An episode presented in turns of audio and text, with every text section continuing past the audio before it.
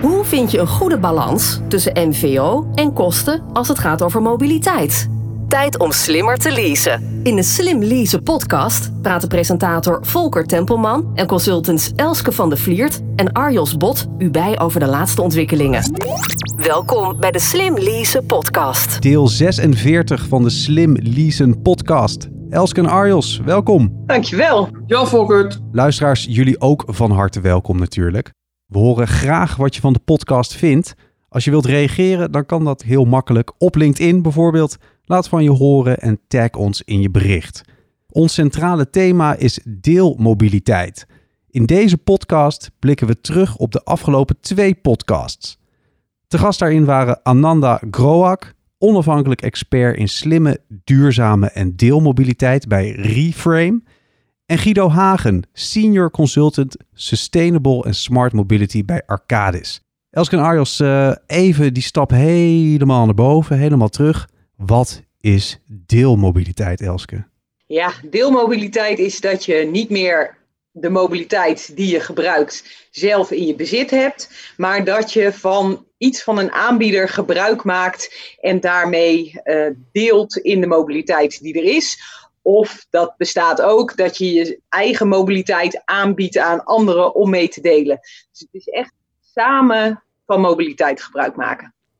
En dat kan dus al heel simpel carpoolen zijn, hè? Ja, ja. dat is een hele goede.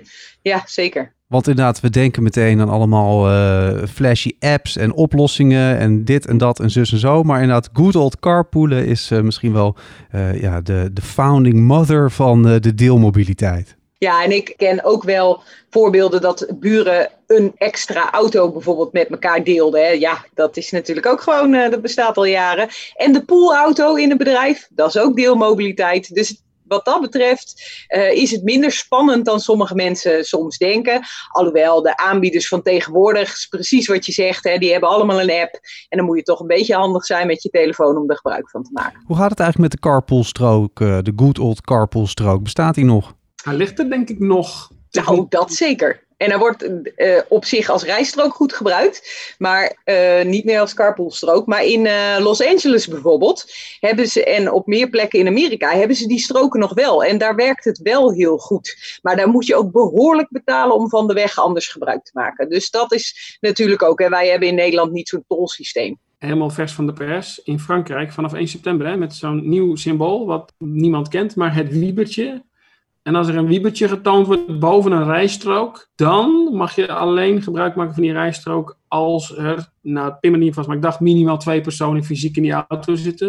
En dat gaan ze met camera's en ik geloof zelfs artificial intelligence uh, controleren. Er staan zeer hoge boetes op. Maar ook daar gaan ze een poging wagen. Oké, okay, dus eigenlijk de carpoolstrook uh, nieuwe stijl met het Franse wiebertje erboven.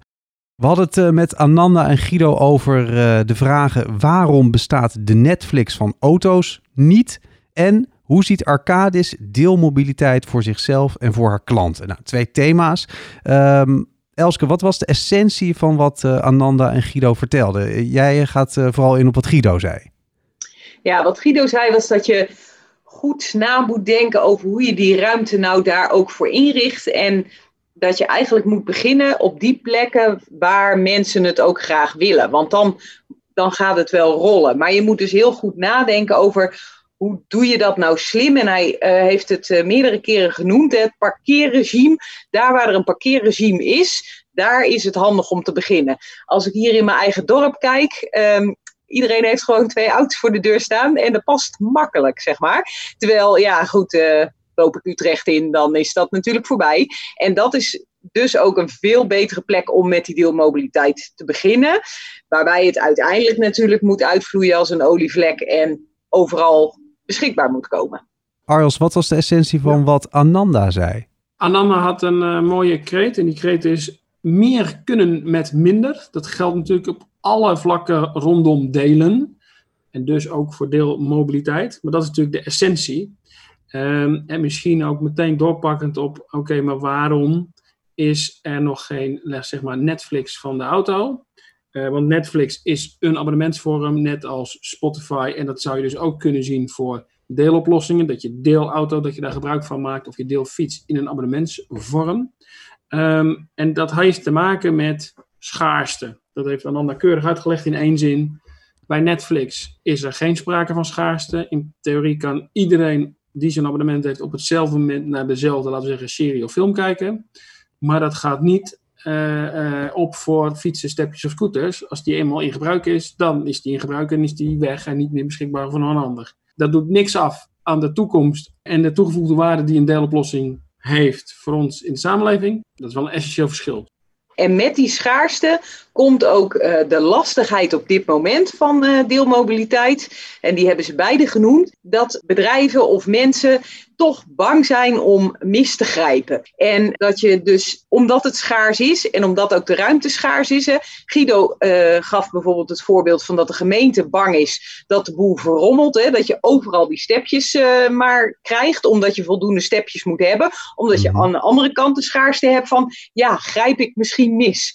En dat is daarin uh, dus wel op dit moment de grootste uitdaging waar deelmobiliteit mee uh, te maken heeft. En wat ik echt heel mooi vond van hoe Ananda dat uh, verbeelde, was dat ze zei: het moet eigenlijk vloeibaar worden. Hè? Al, alom tegen, vertegenwoordigd dat je eigenlijk als een soort van in een zee van deelmobiliteit zwemt.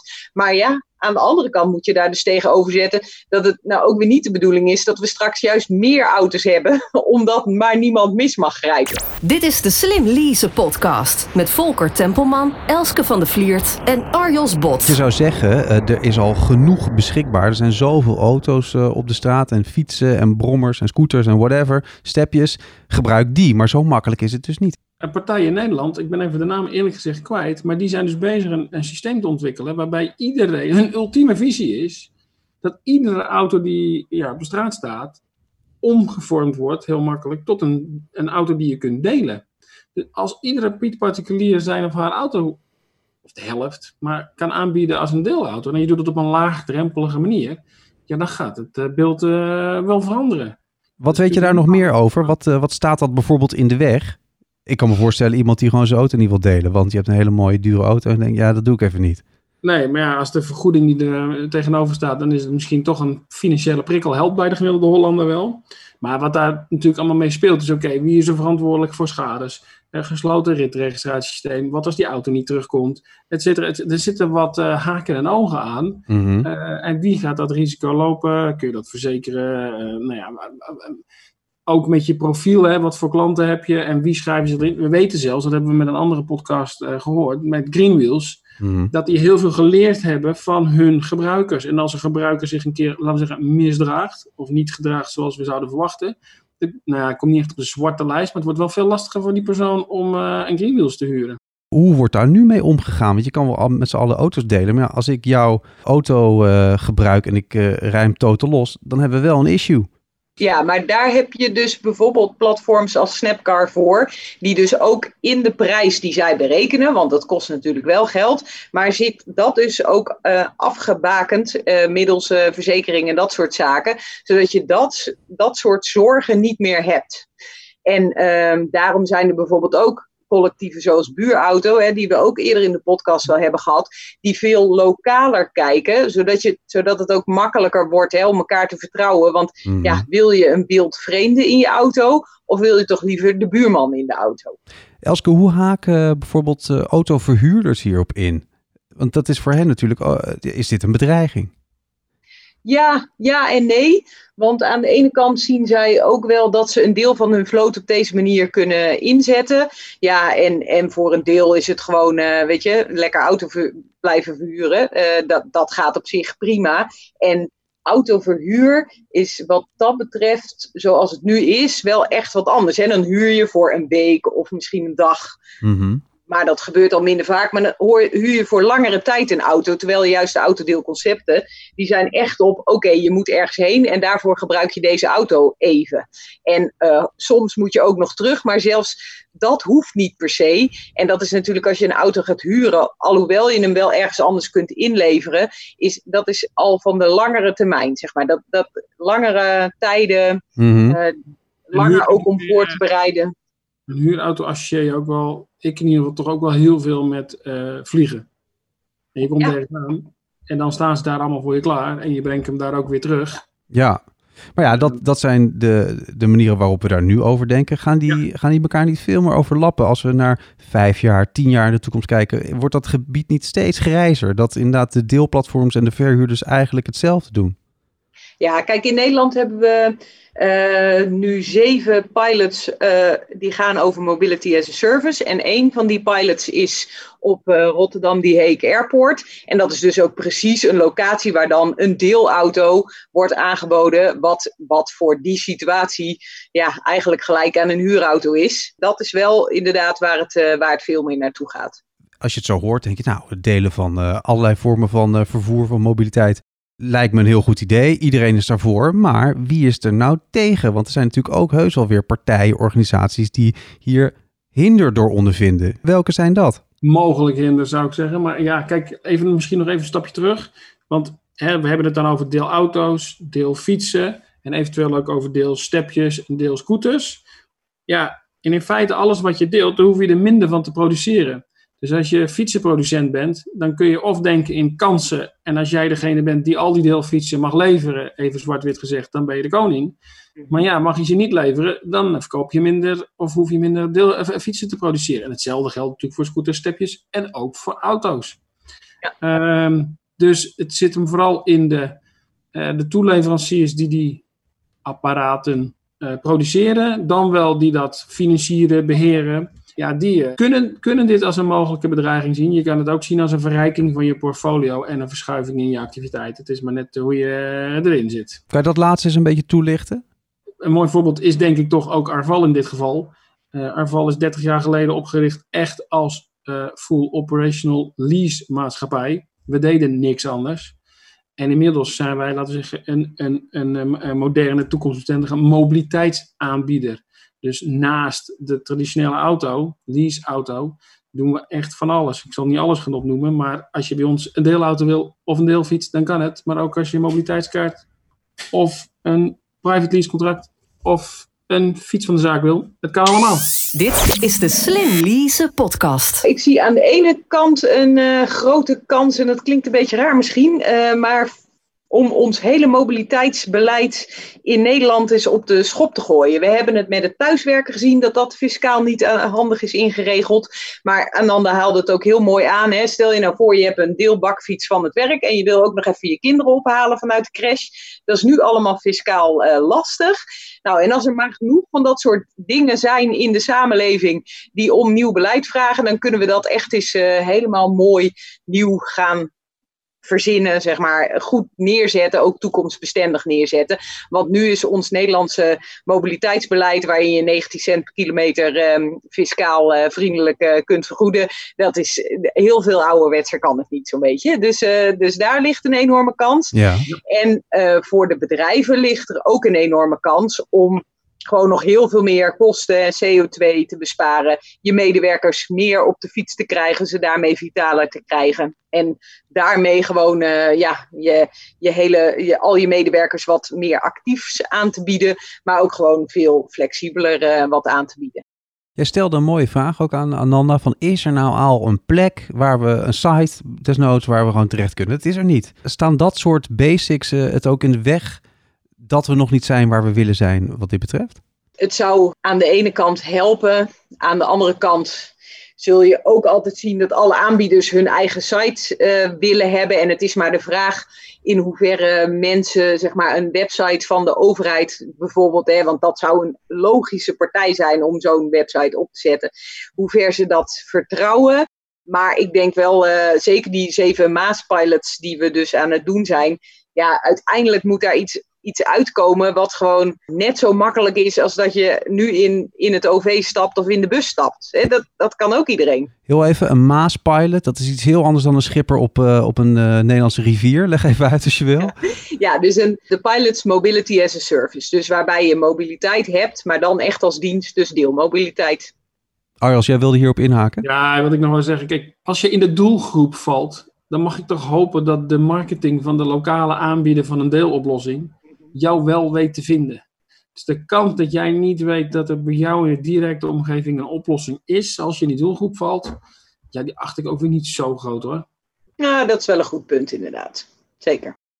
Jongens, we nemen deze Slim Lease podcast al uh, een aantal afleveringen digitaal op, gewoon via Zoom. Uh, dat komt allemaal door corona. Uh, welke invloed heeft corona nou op dit hele onderwerp waar we het over hebben, hè? de deelmobiliteit? Kijk, ehm, de fiets is een beetje de heilige graal geworden in deze coronatijd. Want je kunt lekker naar buiten. Het was tijdens corona mooi weer. Je houdt afstand. top.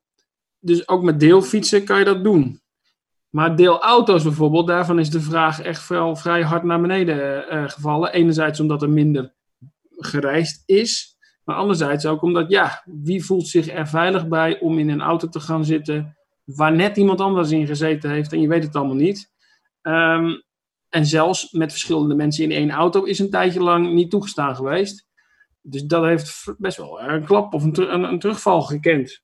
Inmiddels zie je dat er weer wat meer vraag is naar mobiliteit. En daar profiteren in principe alle mobiliteits- of deeloplossingen van. Wat zie jij, ja. Elske? Ja, nou daarbij aansluitend, vooral ook met die auto's en vooral uh, als je het hebt over uh, bedrijfsmatige oplossingen. Wat je heel veel ziet is dat die deelauto's op locatie staan bij bedrijven zelf. En uh, nou gaf Guido heel mooi aan dat zij dan ook nog zeg maar, van Greenwheels gebruik kunnen maken. Dus dat ze ook nog een auto in de buurt hebben staan.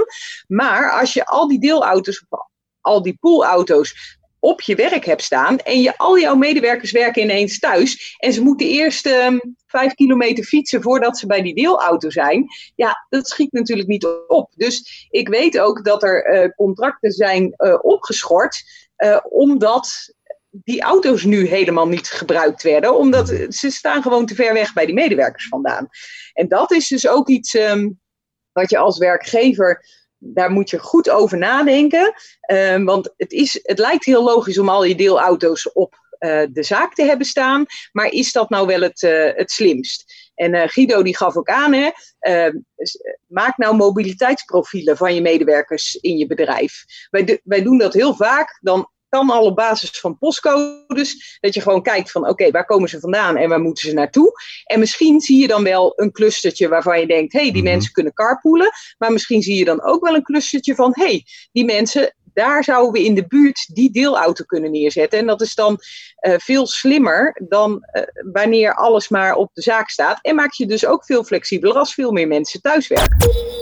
Dit is de Slim Lease podcast. Ja, hiermee maak je ook meteen de brug naar de nabije toekomst. Hè? Want we zitten nog wel even in deze coronasituatie. Dat is nog lang niet voorbij. Daar heeft het alle schijn van, inderdaad, ja. Gaan zij ook tips voor de wat langere toekomst? Want uh, daar hebben jullie wel expliciet naar gevraagd. Naar de, hun tips en trucs voor dit onderwerp. Ja, en in feite is, is een veel gebruikte tip of veel gezegde tip is begin ergens. Laat ja. je niet tegenhouden door, laten we zeggen, papierwinkel. Of misschien, uh, het staat allemaal nog niet in een regeling. Of, maar begin nou gewoon ergens, klein. En dan gaat het vliegwiel wel draaien. En dan uh, de, de early adapters en de mensen die enthousiast zijn en die willen proberen, die openstaan voor verandering, die gaan wel. En dan zullen ze, nou ja, in de toekomst hopelijk ook bij het koffiezetapparaat of via een vlog of een blog iets enthousiast vertellen. En dan uh, verspreidt het zich wel verder en dan wordt het verder omarmd. In, in onze praktijk, zeg maar, beginnen wij ook meestal met één of twee deelauto's bij een klant, zeg maar. En dat worden er dan over het algemeen wel meer. Want dan zien ze dat het werkt en dan zien mensen dat het werkt. En op een gegeven moment krijg je dan weer die schaarse slash grijpt er iemand mis. En dat wil je voorkomen en dan moet er weer een auto bij. Nou, en daarbij ook uh, aansluitend, en dat vond ik sowieso vind ik sowieso iets wat veel meer bedrijven kunnen doen. Ananda die zei, hè, uh, carpoolen is een van de manieren van deelmobiliteit. Maar waarom doe je dat nou niet eens één keer per week of twee keer per week? En dat is met fietsen ook zo. Begin nou eens gewoon met één keer per week. Mensen denken meteen, oh dan moet ik alles loslaten, dan moet alles overnieuw en dan weet ik het allemaal niet meer. Nee, je zet die auto's neer, iemand maakt er eens één keer per week gebruik van. Je gaat carpoolen één keer per week. Je gaat dus op de fiets één keer per week. En dan uh, langzaam maar zeker heb je, een, als iemand al één keer per week op de fiets gaat in plaats van met de auto, heb je al 20% CO2 gereduceerd. Je hebt een hoop kosten bespaard. Dus je kunt door hele kleine stapjes te nemen al heel veel bereiken. Nou, dat vind ik eigenlijk hele mooie woorden om uh, wel mee af te ronden. Uh, ook uh, als je kijkt naar waar nou een mooie toekomst ligt naar aanleiding van deze gesprekken. Zet gewoon je eerste stapjes en dan gaat de rest vanzelf wel rollen. Dit was dan dus ook uh, deel 46 van de Slim Leasen podcast. Elske en Arjos blikten terug op de afgelopen twee podcasts aan de hand van het centrale thema deelmobiliteit. Guys, dankjewel. Graag gedaan. Superleuk. Luisteraars, jullie ook bedankt. We vinden het leuk dat je luistert en we blijven dan ook graag met jullie in contact. Laat van je horen, bijvoorbeeld gewoon op LinkedIn en tag ons in je bericht. Je kan uh, Elske en Arjos taggen, uh, neem ik aan toch, uh, Arjos? Zeker, uiteraard kun je mij taggen en je kunt me bijvoorbeeld een e-mail sturen en dat kan naar arios.bot.arval.nl. Elske, waar ben jij te mailen? Ik ben te mailen op van de e.nl en zou het ook heel leuk vinden. Misschien heb je het enorme onzin gevonden wat we zeiden. Misschien ben je het er roerend mee eens. Nou, we horen het graag. Precies, laat gewoon uh, vooral weten wat je ervan vindt, want uh, dat vinden we mooi. Je kan de Slim Leasen podcast terugvinden op slimleasenpodcast.nl en natuurlijk in je eigen favoriete podcast app. Voor nu, bedankt voor het luisteren en tot de volgende keer. Tot zover deze aflevering van de Slim Lease podcast. Zorg dat je op de hoogte blijft van alle ontwikkelingen op het gebied van zakelijke mobiliteit. En luister ook naar de volgende aflevering.